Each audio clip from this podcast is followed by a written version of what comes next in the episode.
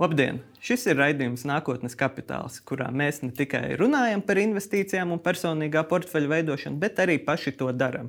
Mani sauc Raivis Vilons, un šodien man pievienojas Svetbanka privātpersonu pārvaldes vadītāja Karina Kulberga. Sveiks un paldies par ielūgumu! Jā. Un, lai gan Karina ir uh, finanšu jomas uh, speciāliste ar uh, diezgan ievērojamu un ilgu CV. Šodien, līdzīgi kā pagājušajos raidījumos, mēs esam viņu aicinājuši parunāties tieši par viņas privāto portfeli un uh, viņas stratēģijām un to, kā viņa uh, veido un plāno savu uh, nākotnes kapitālu faktiski. Un tad arī pirmais jautājums ir, ko es gribu pajautāt. Uh, vai jūs atceraties savus pirmos soļus gan kā profesionālai, gan arī pašai, kas bija jūsu pirmais darījums, pirmais pirkums? Mm.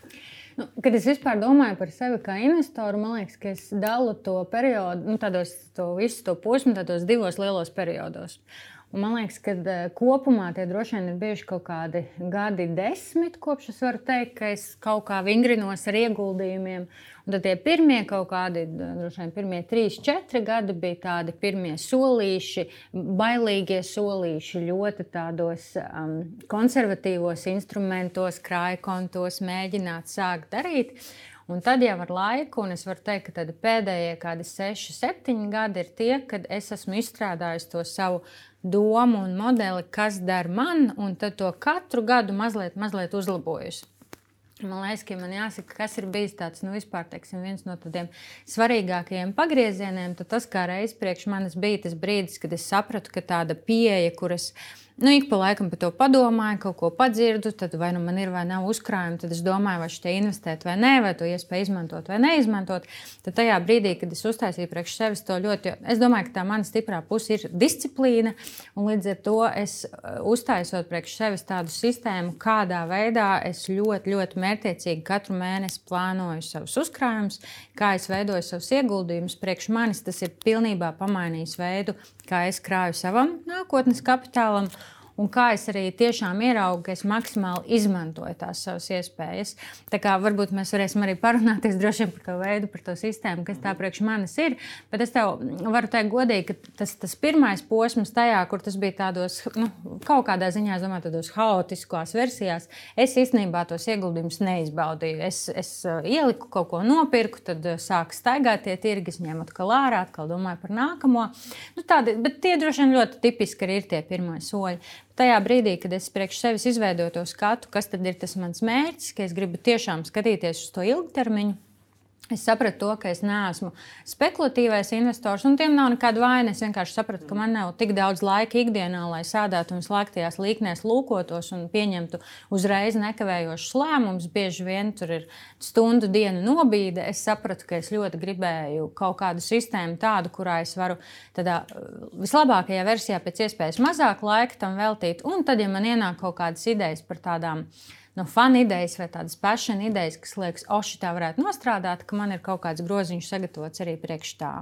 Nu, līdz ar to es teiktu, ka tas bija tāds priekš manis pagrieziena punkts, bet tas, ko gan es ļoti spilgti atceros, es ļoti labi atceros to reizi, kad man iekrita pirmās dividendes par, man, par manis nopirktajām akcijām. Un tā gan bija kolosāla forša sajūta, ka nu, tajā brīdī, tev ir tas akciju vērtības pieaugums, ļoti forši, ļoti labi, bet tu zini, ka viņš svārstās. Bet tajā brīdī, kad man iekrita, atceros tās dividendes, un tās pirmās dividendes bija kaut kādas nu, divi vai četri eiro. Vairāk toreiz tur nebija. Bet īstenībā viņas, protams, kad iedeva tādu foršu sajūtu, ka jebkurā gadījumā nu, ļoti labi nopirkšu tēju, nopirkšu kafiju, man par to ekstra nebija jāstrādā. Un, protams, ka tie apjomi ir e, gadu gaitā auguši. Vai jūs atceraties, kas bija šis uzņēmums, no kā bija šīs pirmās dividendes? Tās pirmās dividendes man bija no tā ETF, ko es biju izvēlējusies. Jo nu, būtībā tā man pieeja, tad, kad es sapratu, ka es gribu to struktūrēto veidu, tas, ko es izdomāju, tad, nu, tas bija jau nu, kaut kāda laba laiciņa atpakaļ, kaut kāda gada 5, 6. Tajā laikā man likās izvēlēšos vienu tādu ETF, un es biju tikko atgriezusies pat arī no Amerikas. Es ļoti eh, biju iedvesmota no tā viņu kapitālismu, un joprojām ticu, ka tajā viņi ir ļoti, ļoti labi. Līdz ar to es paņēmu vienu ETF, kas tieši sako līdz šim SP 500, un tad papildus tam arī domāju, kas varētu būt tās jomas, kuras ilgtermiņā, jebkurā gadījumā augs. Tajā brīdī izvēlējos eh, veselības aprūpi nolūpis arī vienu tādu ETF. -iņu. Un jāsaka, ka, protams, nu, ar, ar šodienas acīm brīnišķīgi. Tas ir bijis viens no tādiem maniem augošākajiem ieguldījumiem manā portfelī, kas ir. Bet tajā brīdī, jā, kad saņēmu šos pāris eiro no tā, tā Amerikas tirguma sekojošā tā fonda, tā sajūta bija ļoti, ļoti forša un ļoti labi. Jā. Tātad jums arī vēl šodien ir palicis šis, vai ir tas medicīnas ETFs? Man ir, man ir palicis gan viens, gan otrs, jo tas mans princips, kā, nu, kā es ieguldu, būtībā ir tiešām tāds, ka es katru gadu februārī man ir tāds finanšu higiēnas mēnesis, kurā es izēju cauri ļoti detalizēti savam budžetam, sapratu, cik nākamajā gadā es gribu katru mēnesi mēģināt uzkrāt. Un tad savukārt to uzkrājumu, kas man tur izdodas mēnesī, es ļoti apzināti tajā brīdī jau sadalu, kā es gribēšu sainvestēt pa dažādiem nu, groziņiem, pa dažādām kapitām. Un manā gadījumā lielākā daļa no tā aiziet gan šajā te, nu, tādā pasīvajā fondā, ja tā varētu teikt, kas ir nu, šajā brīdī, es to ETF pamainīju uz, uz vienu Svetbanku Roburu fondu, kas ir drusciņā lētāks, bet kopumā arī seko būtībā mm. pasaulē. Ja? Uh, bet arī šis oriģinālais ETF man joprojām ir un esmu ļoti apmierināta. Gan viens, gan otrs, gan tas veselības aprūpes, gan arī tas, kas seko SP 500. Uh, nu jā, un tad es viņus sadalu pa tām kabatiņām. Un katru mēnesi man vairāk nav jādomā tajā dienā, kad uh, man alga ienāk. Man ir ļoti skaidra struktūra, cik un kur es te, uh, gribu ieinvestēt. Es varu pateikt, ka tieši tāpat kā tas ir. Tad, kad tirgi ir augšā, tieši tāpat arī daru to, tad, kad tirgi ir lejā. Līdz ar to es esmu tās regulārās un laikā izlīdzinātās investēšanas noteikti piekritēji un fani savā pusē. Ļoti labi atceros, kad arī pašā sākumā to klikšķi nospiest tajā brīdī pirkt jau pirms nezinu, četriem, pieciem gadiem, tad, kad tie tirgi pastaigāja, likās tik grūti. Protams, ar šodienas acīm nu, brīnišķīgi, ka es to darīju tik regulāri, neskatoties uz to, kur tie tirgi bija. Jo tas ienesīgums no šāda veida ļoti pasīvs, super vienkāršs investēšanas īstenībā ir bijis brīnišķīgs. Un tad, protams, pa vidu tas, ko es esmu darījusi, un arī gatavojoties šai sarunai ar tevi, saliku un paskatījos, un cik daudz ir bijuši pa vidu tādi, nu, tādi aizrautību ieguldījumi, kurus es saprotu, man pa laikam uznāk kaut kāda tematiskā doma, varētu to varētu vēl to.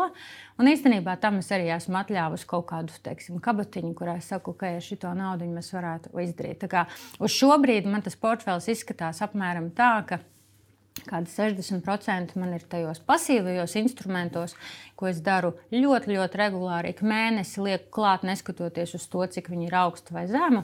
Un kādi 40% no tā mana portfeļa ir tajās lietās, kas ir bijušas kaut kādā brīdī nu, šīs idejas, kur gribējās, kuras esmu ieguldījusi, kaut ko es esmu paņēmusi ārā. Bet es esmu tipiski tāds ilgais, ilgais investīciju turētājs. Man tādi īsie spekulatīvie darījumi pavisam mm. maz ir bijuši. Uz, eh, cik gadiem jūs uh, savu portfeli nu, plānojat? Jo es varu skatītājiem atgādināt, ka mēs, mums ir Konstantīna, tas mērķis ir desmit gadi šobrīd, uz ko mēs veidojam savu portfeli. Un mēs līdzīgi kā jūs arī darām, mēs katru nedēļu pa 50 mm -hmm. eiro ieguldam, mm -hmm. neskatoties uz to augšā, Jā. lejā. Jā. Nu, manā gadījumā, gan tā kā man ir Baltijas akcijas, kriptovalūtas un peer-to-peer, tad es izvēlos un tajos brīžos, kad nu, pavisam kriptovalūtas ir zemē un kaut kā nu, nu, ne, nespiež, neiet sirds uz to, tad es, piemēram, es teicu, guru ieliku naudu, kas ir nu, tāda stabila un mierīga.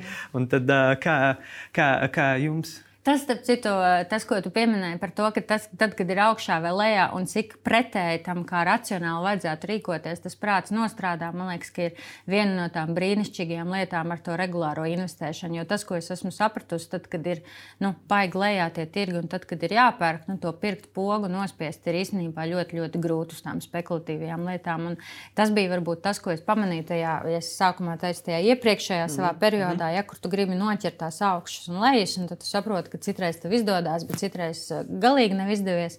Tad tas ir tas, ko, manuprāt, ar šo regulāro, regulāro investēšanu var nu, ļoti labi apiet to savus prāta untumus, kad paliek bail. Un, kā jau teicu, es ļoti labi atceros to brīdi, kad tajā SP 500 es liku iekšā savu regulāro summu arī kaut kādā 18. un 19. gadā. Un visu laiku, protams, nu, tajā ziņu lentēs ir bijis, vai nav jau šobrīd cena ļoti augsta, vai viņi tūlīt nekritīs. Nu, tas fons visu laiku, protams, ir tāds ar tiem draudiem pilns. Nu, kāds tas arī vienmēr finanšu tirgos ir bijis. Jā, jā, jā. Un uh, ar tām uh, pasīvajām dividendēm. Uh, tas ir ļoti interesants jautājums, ko mēs patiesībā raidījumā esam uh, pagaidām salīdzinoši maz apsvēruši. Uh, bet uh, vai uh, tas ir, vai teiksim, pieņemsim, kaut kādā brīdī var kļūt tā, ka uh, būtībā pašam vairs nav obligāti nepieciešams nu, katru mēnesi no savas algas atlikt to naudu, bet drīzāk var izmantot tieši šo dividendžu summu, lai uh, audzētu savu portfeli. Vai tur ir jābūt ļoti daudz tādu, ieguldījumu. Tādu vēl līmeni es varu atzīties, ka es sasniegusi nesmu. Tas, protams, ir tas finanšu brīvības izcilais moments, kurā jau tie aktīvi, kas tev ir saguldīti, spēj radīt tādu ienesīgumu, nu, kur tiešām varbūt tev nav jāstrādā vai nav tik daudz jāuzkrāj. tas eh, līdz tam man vēl ir ceļš ejams. Bet eh, es domāju, ka jebkuram, un tad, kad es runāju ar cilvēkiem par tām dažādām stratēģijām, ko viņi izvēlās, ko viņi domā, bet, eh, bet tad, kad, nu, tad, kad tu sāc patiesībā to, to regulāro uzkrāšanu, tās regulārās investīcijas, un ka tu redzi tos nosacīt, to salikto procentu efektu, to, ka, tā, ka tu saņem to dividendu, nu, tu viņu liec atpakaļ, viņi atkal strādā tavā labā. Man liekas, ka tas ir ļoti, ļoti jaudīgi. Un tas sākums ir visgrūtākais, jo tur tās summas ir maziņas, un tad tev liekas, vai vispār ir jēga, bet tos divus vai četrus eiro, nu, saka, nu ko viņi to tāpat neko daudz neizšķir. Bet kat, nu, katru ceturksni to Amerikas akciju gadījumā, protams, tad, kad viņi to izmaksā, tas sajūta ir ļoti forša un ļoti patīkama. Es nevaru teikt, tā, ka es tik ļoti pat esmu viņu sev piefiksējis. Tie ir man tādi patīkami pārsteigumi momenti, ka es redzu, ka es esmu mītiņos viens pēc otra, kur man nav laika par to domāt. Tu pastos, o, oh, forši man tur Apple samaksāja dividendu. Tas kā jākā atrast 5 eiro, par ko ir aizmirsts. nu, tieši tāda tā sajūta ir, bet tu zini, ka tu izdarīji īstenībā iepriekš ļoti labus darbiņus, ļoti labu to sagatavošanos, mm. lai viņi tajā jākā tur ik pa laikam, bet diezgan regulāri atrastos. Mm -hmm. Mm -hmm. Tā, par to, kā jūs atliekat naudu, un, ir skaidrs. Kā jūs tad uh, skatāties, kā jūs meklējat to, kur, uh, kur investēt, kas ir tie kaut kādi sektori vai uh, virzieni, uz ko jūs skatāties? Nu, jūs minējat, ka bija SP 500 kopējošais, tad uh, medicīnas sektors. Jā, un ja godīgi, tas ir tas, ko es gribētu. Uh, likt kā lielākos tos akcentus, nu, kaut kādus šos pamatā tos pasīvos fondus, kas varētu veidot to lielāko daļu. Mm -hmm. Tas, ko es pamanu ik pa laikam, ka man nu, kaut kādā veidā tās interesi atnāk, tad es jūtu, ka tas ir bijis dažādi dažādos gados. Pēdējie divi gadi ir bijuši tādi, kuros es esmu nu, tā, paskatoties tajā februāra mēnesī, kas tad man tajā portfelī ir, ko es tur redzu. Es saprotu, baigi daudz es esmu Amerikā. Ja? Jo es biju Apple vēl papildus nopirkusi. Man likās ļoti forši un kādu laiku turēju, un joprojām to turu. Man bija tāda šī veselības aprūpe, SP 500, kaut kas man bija arī no Baltijas. Tā skaitā sapratu to, ka nu, es esmu baigi sakoncentrējusies tajā reģionā. Pēdējos divus gadus tas, kas man šausmīgi interesē, ir Āzijas tirgi. Man ļoti interesē, kas tur notiek. Man liekas, ka es gribēju būt tur vairāk. Arī to es ļoti labi varu realizēt savu šiem te, nu, būtībā lielākoties caur pasīvajiem, dažādiem ETF-iem, arī vai fondiem. Nu, lai tīri tas portfels, ja es no viņa viņi tā palūkotos no tādu mazu atstatumu, es ieraudzītu, ka es esmu drusciņš labāk viņu dažādojuši pa reģioniem. Tā kopumā, tieši gatavoties arī šai sarunai, vēlreiz paskatījos, tas, kas kopumā man ir diezgan maz, ir Eiropa. Mhm. Es domāju, ka kaut kādā ziņā tas ir mērķiecīgi, jo es tur varbūt neesmu saskatījis tik daudz kaut kādu potenciālu. Bet, ja tu jautā, nu, kur radās tā iedvesma, man jau tā laime ir tāda, ka man arī ikdienā sanāk ļoti daudz patiesībā apkārt eh, cilvēku, kas interesējas par finanšu tirgiem, ar kuriem ir brīnišķīgi un kolosāli debatēt, un, un, un kur ir ļoti aizrautīgi teiksim, to pēta. Un tad es, es priekš sevis esmu sapratusi, ka man ir ļoti vērtīgi, ka es reizi gadā uztaisu to lielo lidojumu, bet katru mēnesi paskatos, kāds tad uz šodien izskatās tas mans portfelis. Bet tādā mēneša izteiksmē, ka es zinu, ka Tad, kad man ienāks alga, tajā pašā dienā es nedomājot, aizskaitīšu kaut kādu daļu prom uz to, ko es esmu jau ieplānojis, mm. un tad kaut kādu daļu atstāšu tam, ja man kādas idejas vēl pa vidam radīsies. Nu, man liekas, ka uh, arī atkal gatavojoties šai sarunai, paskatījos vēlreiz uz to, nu, ieraudzīju, ka arī man ir visādi tādi bijuši Covid laikā, tādi uh, vairāk tādi impulsīvie pirkumi un impulsīvie mēģinājumi. Daži no tiem ir bijuši ļoti, ļoti labas idejas. Dažas ir bijušas arī tādas, kas radās vienkārši no tā, ka nu, visiem droši vien bija vairāk laika pasakot līdzi, paskatīties, kas notiek pasaulē. Likās, ka kaut kādās jomās tā pasaule ļoti izmainīsies, bet varbūt tās nemaz nebija tās labākās idejas. Tā, kā, tā racionālā puse manī saka, paliec pēc iespējas vairāk pie šiem pasīvajiem fondiem, kas ilgtermiņā ļoti, ļoti labi un dažādos to portfeli, bet tik pa laikam tās idejas es kaut kādas pienesu klāt. Un, protams, kā Azijas idejām arī pēdējie divi gadi ir bijuši ļoti labi, ļoti mm. forši. Man ļoti interesēja arī kādus pāris gadus atpakaļ Indijas tirgus, nu, kuram, protams, tas ir ļoti, ļoti ilgtermiņa perspektīva. Mm -hmm. Tā kā kaut ko es esmu nopirkusi arī tur. Uh, bet nu, kopumā es sevi redzu kā patiešām to ilgtermiņa investoru, kur es daudz mazāk ķeru tās īsās idejas. Un tur, kur es viņas esmu mēģinājis, varbūt ķert tur tā, tas ienesīgums nebūtu bijis tāds mm -hmm. labs pret risku attiecībā. Mm -hmm. Vai jūs arī, nu, protams, nu, jūs diversificējat, jūs tagad stāstījat, ka jūs mm. diversificējat par reģioniem, kas ir arī nu, viena no stratēģijām, ko arī visās finanšu klasikas grāmatās jā, jā. stāsta. Mm. Vai jūs arī uz sektoriem kaut kādiem skatāties, piemēram, ka jūs iegādājaties šos Azijas ETF, mm -hmm. vai jūs, piemēram, skatāties ETFs, kas apkopo tehnoloģiju sektoru, mm. vai kaut kādas, vai jūs meklējat tās jomas, kuras varētu augt? Jā, nu redz, es saprotu to, ka tās tehnoloģijas man jebkurā gadījumā ir baigi daudz, jo man ir tas SP 500 un SP 500 mm -hmm. jau pašā par sevi jau tā tehnoloģija komponente ir liela. Jā. Papildus tam es arī jau diezgan ilgu laiku uh, investējos Apple. Tur tas uh, sākuma stāsts man bija tāds pavisam uh, nu, tāds emocionāls, varbūt tas pirmais impulss, tādēļ, ka es runāju ar saviem bērniem par to, mēs strīdējāmies, vai ir vērts pirkt jaunu mobilo telefonu vai nē, un cik ātri viņam krīt vērtība, īpaši attiecībā uz bērniem, ka viņi bija aizgājuši skolā un tur viss platījās kaut kur ar tiem telefoniem. Viņiem arī vajag telefons. Un tad es eh, stāstīju viņiem, cik izdevīgāk būtu nopirkt šo Apple akciju un skatīties, labāk, kā tā vērtība kāpj nekā krīt, vēl pēc tam ik pa laikam dabūt tās dividendes. Nu, tad, protams, man bija ne tikai tas jāstāsta, bet arī jāizdara, jo nu, tā, tā jau tu nevari bērniem izstāstīt, kā vajag un pats neizpildīt. Un esmu īstenībā ļoti, ļoti priecīga ar šo savu lēmumu.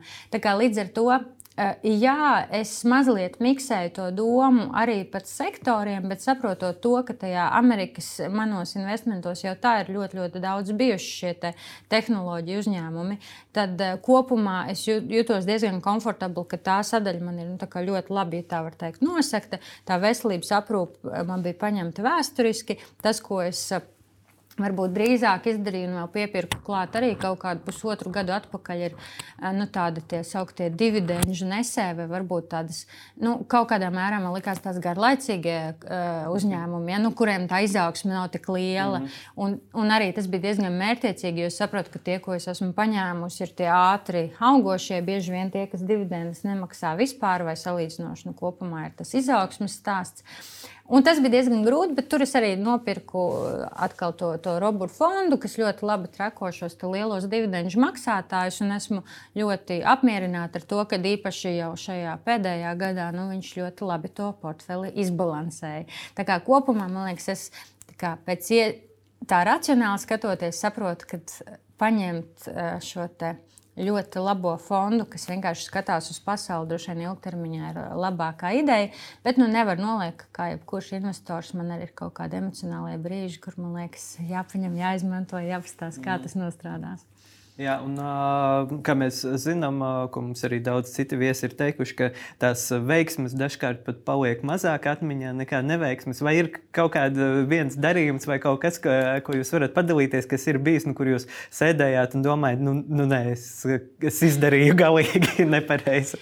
Man tāds viens ir bijis, un tas arī patiešām bija tāds pilnīgi, man liekas, tāds eh, atkal tāds kaut kāds tas haotiskais. Un tas bija kaut kas, kas bija Covid laiks, kur ļoti daudz bija tā runa par to, nu, tagad viss ir mainījies, vairāk nebūs tā, kā bija iepriekš, viss būs pie jaunam. Un es mm. atceros, ka bija tie veselie saraksti, nu, ka Forever būs Shopify un visi pārējie mm. tur sarakstā viens pēc otra, nu, kas tagad, protams, visi gāžās zemē.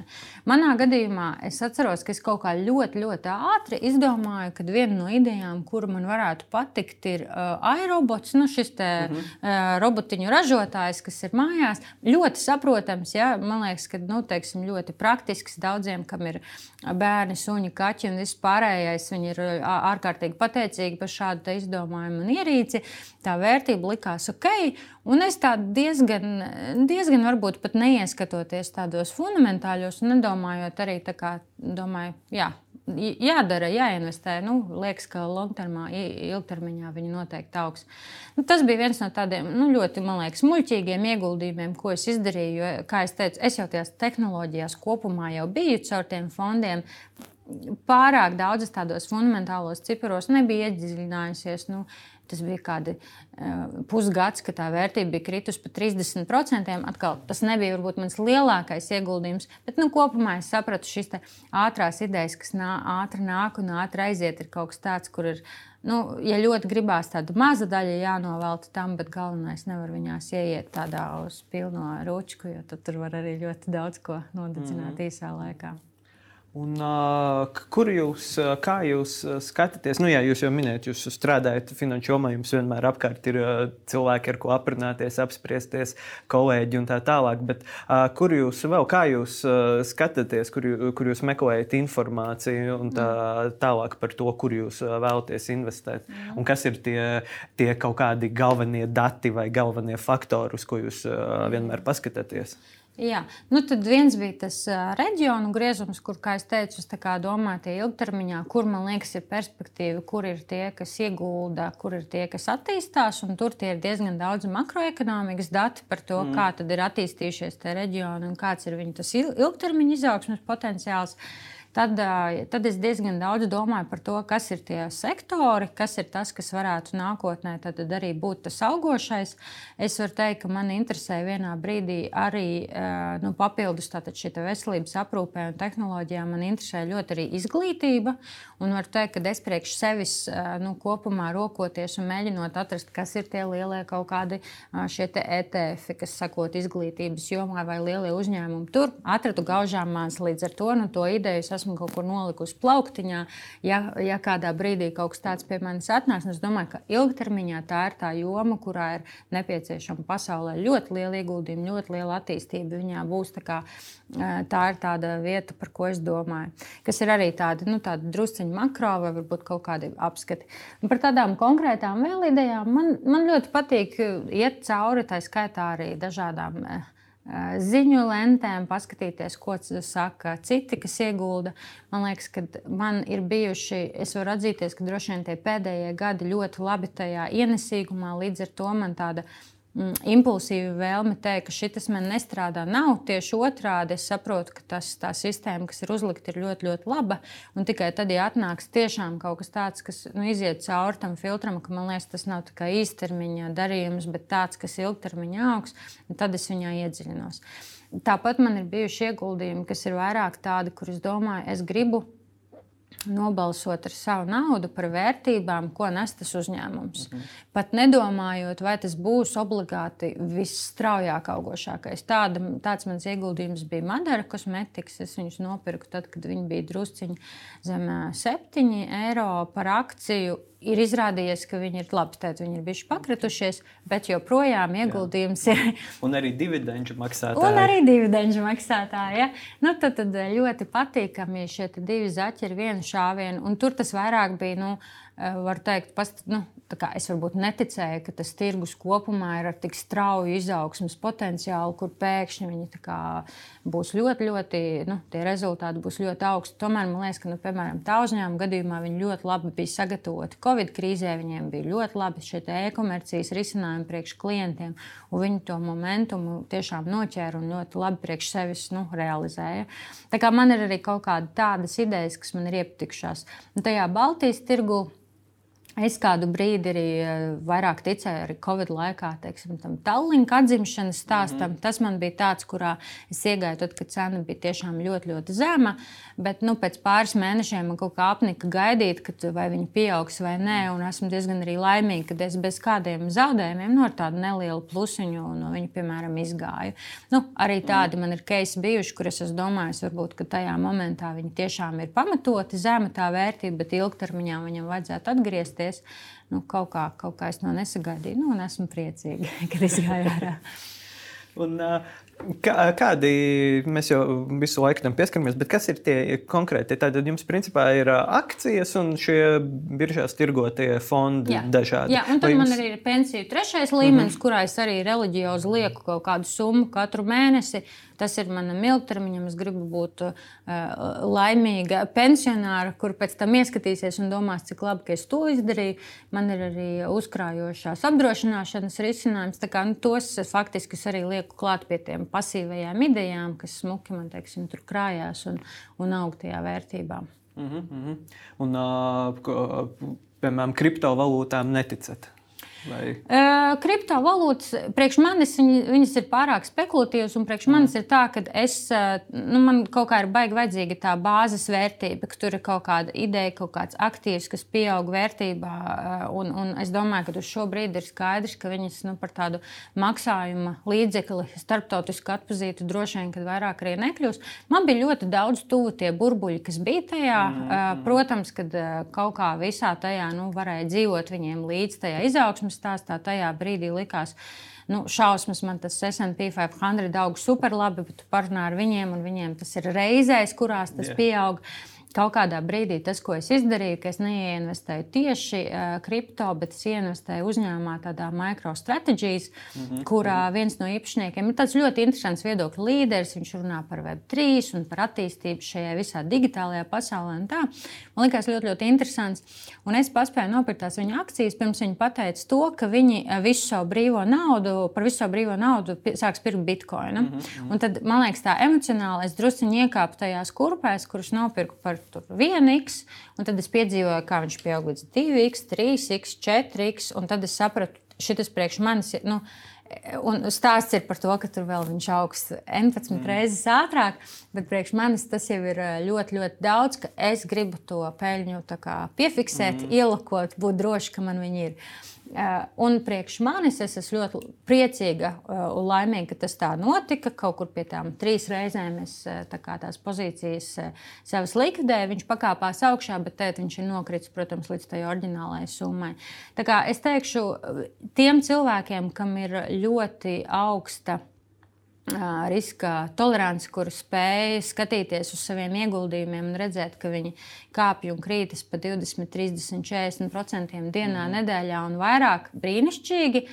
Es to negribu. Tas nav priekš manis. Es gribētu kā, būt droša, ka ilgtermiņā tas, ko es kā, esmu sev rūpīgi, tādā disciplinētā veidā salikusi, ka viņš tomēr kopumā man, man aug un kādas ir tās fundamentālās vērtības. Un, ja es paskatos uz tiem uzņēmumiem, nu, kā Apple, Amazon, visiem citiem, kas ir iekšā šajos instrumentos, ko es pērku, tad nu, tā, tas ticamības moments var būt, ka jā, viņi var pakrist kaut kādā brīdī, bet ilgtermiņā nu, tā vērtība tur ir. Mm -hmm. Kaut kas taustāms. Jo, protams, nav, nav tikai uzticība, jo kriptovalūtu vērtība, kā mēs zinām, vērtē tikai, eh, veido tikai uzticību. Jā. Un, bet runājot par digitālajām tehnoloģijām, lietām, jūs esat ne tikai Svetbanka privātpersonas pārvaldes vadītāja, bet jūs esat arī Instagram finanšu pratības, es pat teiktu, Latvijā varētu būt viena no līderēm Instagram platformā. Cevišķi, manuprāt, jums ir šī owns by KK. Ah, jā, jā. Un jūs tur tieši runājat par uh, uzrunājot sieviešu mm. auditoriju. Principā, jo arī tajos video, ko jūs veidojat, jūs bieži vien sākat ar uh, uzrunu tieši mm. sieviešu mm. auditorijai. Un, un es gribēju paprasīt par to, uh, kāda ir tā. Nu, Proti, vai Latvijā jūs jūtat šo barjeru, ka, nu, piemēram, ka sievietēm, jaunām sievietēm, cevišķi, kas arī nu, daudz lieto Instagram, ka viņām šajā finanšu pasaulē ieiet nu, šī tīri privātā kapitāla veidošanā, pat nerunājot par strādāšanu finanšu sektoros, vai ir lielākas barjeras, nu, tīri kaut kādas psiholoģiskas vai nu, kaut kādas sabiedrības, tas, ka, nu, ka, tas, ne, ka tas ir paredzēts vīriešiem un sievietēm akcijas, nu, nekādā gadījumā. es, domāju, ne, es domāju, ka tā situācija kļūst arvien, arvien labāka. Es domāju, ka nu, tie ir liekas, kaut kādi četri vai pieci gadi, kurus tā aktīvi ar to auditoriju strādāju, pētu, interesējos, ņemu visus iespējamos pasaules pētījumus. Galu galā es pat beigās uzrakstīju par to maģistra darbu, arī savācot visus datus. Es domāju, ka tas atslēgas elements īstenībā tajā ir tā pašpārliecinātība, jo tā ir ļoti zema. Teiksim, sievietēm par to, vai viņas spēs, vai viņas varēs, vai tas nebūs šausmīgi sarežģīti, un kā to sākt darīt, un ka tas vispār nav domāts viņām. Un bieži vien es runāju ar auditorijām, es atceros kaut kādu pusotru gadu atpakaļ, ne bišķiņu vairāk, Covid vēl nebija. Man sanāca aprunāties ar tādu brīnišķīgu komandu, IT, nu, viens ļoti liela uzņēmuma IT dāmu kolektīvu, kuras ikdienā es esmu pārliecināta, ka veids daudz sarežģītākas eh, teiksim, darba uzdevumus, kā varbūt tur, eh, akciju tirgus un, un akciju iegāde, un kuras tā ļoti, ļoti piezemē, teica, nē, nu, mēs jau kā neesam investors. Mums tikai ir tā, ka mums ir nu, pāris akcijas, un tam mums vēl ir pensija trešais līmenis, uzkrājušā dzīves apdrošināšana, un viņas sāk man to visu saukt, un es saprotu, bet viņas nu, ir ļoti forši un ļoti pareizi visu dara. Vienkārši viņas ir visu laiku ļoti nepārliecinātas, vai tas ir pietiekami, vai tas ir pamaz, vai kā man vajadzētu labāk labāk. Tā kā es domāju, ka tas lielā mērā ir vienkārši tāds pašpārliecinātības jautājums. Un, nu, to arī visi dati un visi pasaka, ka tās sievietes sāk investēt. Viņas investē ļoti labi, viņas pieturās pie savām stratēģijām, viņas netreido tik bieži, kas nozīmē, ka nu, kopumā tik daudz nesamaksā komisijās, un tā vērtība tam portfelim parasti pat īstenībā ilgtermiņā ir lielāka. Bet nu, tā mana iniciatīva vairāk nāca no tā, ka man gribējās iedot to impulsu, to vēlmi, to pirmo soli vispār par to sākt domāt. Jo nu, būtībā tā statistika parāda, ka sievietes tipiski paliek vairāk tādos zema riska, bet līdz ar to arī ļoti, ļoti zema ienesīguma šajos dažādos instrumentos, nu, nezinu, kā tur krājkontā vai tam līdzīgi. Un, būtībā tas ienesīgums ir nulle. Vēršus tad, ja tu nu, pat mazliet un pasīvi sāc investēt, tad, kā mēs droši vien zinām, un kā raidījuma skatītāji zina, ka pat tie mazie procenti tādā ilgā termiņā spēlē patiesībā milzīgu lomu tajā, nu, lai tā vērtība pēc 10, 20, 30 gadiem būtu stipri lielāka. Nu, kā, es domāju, ka tā ir tā, varbūt tur nav nekāda tāda sistēmiska problēma, ka kāds eh, ļoti gribētu kaut ko nepiedāvāt sievietēm. Mm. Galīgi, galīgi. Nē, es domāju, ka tas ir drīzāk tāds pašpārliecinātības un tā pirmā soļa spēršanas jautājums, kas man liekas ir ļoti svarīgi. Un tad jau, kad to sāk darīt, un man liekas, arī ar investēšanu ir līdzīgi tad, kad es sācu to darīt, tad pie sevis domāju, kāpēc es to nedarīju ātrāk. Tas nemaz nebija tik šausmīgi sarežģīti, tas nemaz nebija tik ļoti, ļoti uh, bailīgi. Nu, tie pirmie soļi ir tie, kas vienmēr ir grūtākie. Jā, jā, jā. Uh, Vai tur varētu būt arī, jūs minējāt tieši to IT um, sieviešu kolektīvu, mm. kas strādā, vai tur arī nāk klāt kaut kāda tā tehnoloģiskā komponente? Jo nu, tā ir mana pārliecība, ka es arī jums pirms raidījuma teicu, ka mm. man šķiet, ka tas, ka ir vieglāk nopirkt un darīt tās kriptovalūtas, ir pavēruši durvis uh, nu, jaunai investoru klasē, amatieriem, kuri to var izdarīt ļoti ērti. Vai tas, ka uh, es varbūt te velku pārāk tāls paralēls, bet vai tas, ka nu, akti, sievietes aktīvi iesaistās informācijas arī tehnoloģiju mm -hmm. jomā, uz ko arī mums ir daudzas organizācijas, kas mudina un kustības, mm -hmm. arī kaut kādā veidā palīdz uh, nokļūt pie šiem uh, lielākas ienesīguma investēšanas, jo tur kā, tu, proti, nu, tu saproti tehnoloģiju, saproti datoru, un tad arī kaut kā varbūt vieglāk arī ir tos uh, visus rīkus saprast un tā tālāk. Un... Es domāju, ka te, tas, kur es to noteikti piekrītu, ka tehnoloģijām ir milzīga loma tajā, kā tās ir atvieglojušas visu šo vērtspapīru mm. iegādi. Tas vairs nav. Es atceros, ka pirms kādiem četriem gadiem Lampā man bija izdevība runāt ar, ar, ar Madaras vadītāju Lotu. Viņa teica, viņai tas pirmais priekšstats, kad viņa gāja tajā IPO, kad tipiskais investors ir tāds vecs vīrs ar cigāru, tādu cilindru, nu, kurš sēž un skaita tādas naudas kaudzītas no vienas monopola, tieši tā, monopola vīriņš. Ja? Un tad, kad viņa sāka par to domāt un domāja, kas tad ir tas viņu tas, teiksim, pircējs tajā IPO procesā, kā tā varētu būt nu, tā sieviete. Un noteikti tas ir nu, milzīgs progress tajā, kad arī šobrīd arī es, arī tu, jebkurā minūtē varam iet savā internetbankā, savā aplikācijā, jebkuru, ko nu kurš teiksim, lieto un paskatīties uz šo brīdi, kāda ir tā mana portfeļa vērtība. Un es zinu, ka es varu iet pozīcijās, es zinu, ka es viņus varu pārdot, un tas rada noteikti tādu arī, nu, tā skaitā to pievilcību. Plus šajā visā laikā, protams, ir komisijas palikušas ērtākas, ir produkti, kas ir parādījušies, nu, tādi, kur tu principā pat no viena eiro tiešām var sākt pirkt pasaules indeksus, nu, kas ir superīgi un īstenībā, nu, man liekas, ka brīnišķīgi atvērš tās durvis. Uh, es domāju, tas, kas eh, tām tehnoloģiju dāmām un vispār nu, tāda tendence, ko ļoti var novērot, un kas man liekas, ir ļoti, ļoti forši, kad arī uzņēmumi arvien vairāk saviem darbiniekiem sāk piedāvāt, ja tie ir list, teiksim, listēti uzņēmumi, mm -hmm. šīs akcijas, kā dažādas bonus paketes vai tam līdzīgi. Un tad tu savā ziņā piespiedu labprātīgā kārtā arī, un, un arī, teiksim, Svetbanka, kurā es strādāju, arī mums ir tāda sistēmu. Un es domāju, ka tas ļoti labi palīdz nu, to, to, to pirmo soli ieraudzīt. Tas palīdz tev, tev saprast, nu, kā tu piedalies tās uzņēmuma veiksmes teiksim, un attīstības stāstā. Un vienlaikus arī nu, kādi ir tie faktori, kas var palīdzēt augt vai neaugt citi, nu, teiksim, citiem uzņēmumiem. Un, protams, ka tipiski jau tā ir, nu, ka mēs tos portfeļus vismaz sākam veidot ap uzņēmumiem, kurus mēs domājam, ka mēs saprotam, nu, kur mums liekas, ka mm, mm. mēs saprotam, kā viņi attīstīsies. Tādā ilgā termiņā parasti tas nozīmē. Un arī es esmu tāds pats upuris šādai domāšanai, kuras arī atceros pirms kādiem. Varbūt kādiem diviem, trim gadiem, tad, kad es tajā februārī skatījos to savu portfeli, domāju, kāpēc man tajā ir parādījušās pēkšņi tik daudz Baltijas dažādu banku akcijas. Nu, neloģiski, tas ir pa daudz, man ir viņas jānopārdod nost, jo es esmu daudz salikusi tajā sektorā. Un es domāju, tādā ziņā tam, teiksim, tam tehnoloģiju sektoru cilvēkiem, nu, viņiem jau ir daudz padziļinātāks priekšstats par to, nezinu, kas notiek Metā, kas notiek Amazonā, kas droši vien mm. notiek citos tehnoloģiju uzņēmumos. Un tas pat varbūt ir ļoti, ļoti labi, jo tas viņus pamudina domāt, es ticu, ka tas, nezinu, tie produkti, ko viņi ražo, tie pakalpojumi ir jēdzīgi. Es ticu, ka tie ilgtermiņā augs. Es gribu būt daļa no tā viņu veiksmes stāsta un nu, no tāda lietotāja, tāpat kā no tā Apple. Nu, no tāda lietotāja es gribu būt maziņš akcionārs. Es gribu paskatīt, nu, es ticu, ka cilvēki turpinās to pirkt. Tā kā, tādā ziņā es to saikni tur ļoti saredzu, bet noteikti tā kopumā tā digitalizācija un tas, ko tas ir iedevis, nu, iespējams arī tam mazam investoram varam sākt veidot savus portfeļus, ir ļoti, ļoti labi. Jā. Mm -hmm. Un, Redījuma noslēgumā es gribētu visiem viesiem un investoriem paprasīt, kādi būtu jūsu ieteikumi un padomi jauniem investoriem, jaunām investoriem, vis, visiem investoriem, kuri skatās mūsu raidījumu un kuri varbūt vēl neko nav darījuši, vai nu, tagad sāk domāt, ka tomēr pie lielajiem inflācijas cipariem sāk redzēt, ka nauda zeķē nav tas labākais veids. Kas ir tie? Paši pamata padomi, ko jūs dodat? Pamata padoms ir tāds, paskatāmies, un īpaši šajā laikā, man liekas, nu, ņemot vērā visu to fonu, ļoti svarīgi drošības pilvens vai ir pietiekami mīksts. Ja? Jo nu, tas laiks droši vien priekšā būs pietiekami izaicinošs.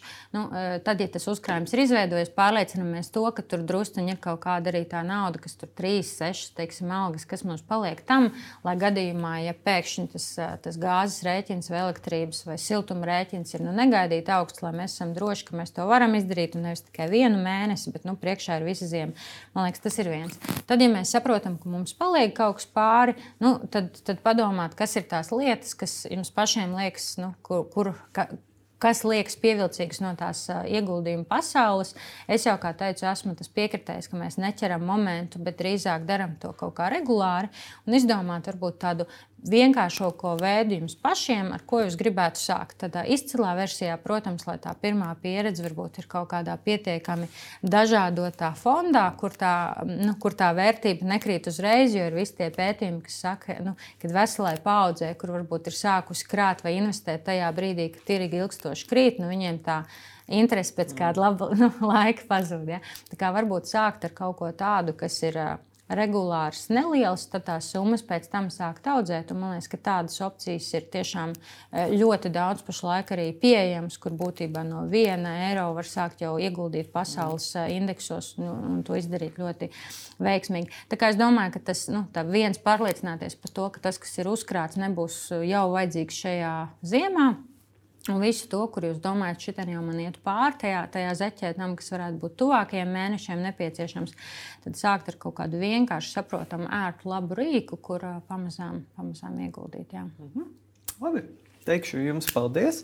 Eh, skatītājiem atgādināšu, ka raidījuma ierakstus eh, gan šo, gan visus pārējos var meklēt nākotnes kapitāls LV, kur mēs arī ar Konstantīnu publicējam, kā veicas mūsu portfeļiem, un tāpat arī citus rakstus par finanšu pasauli.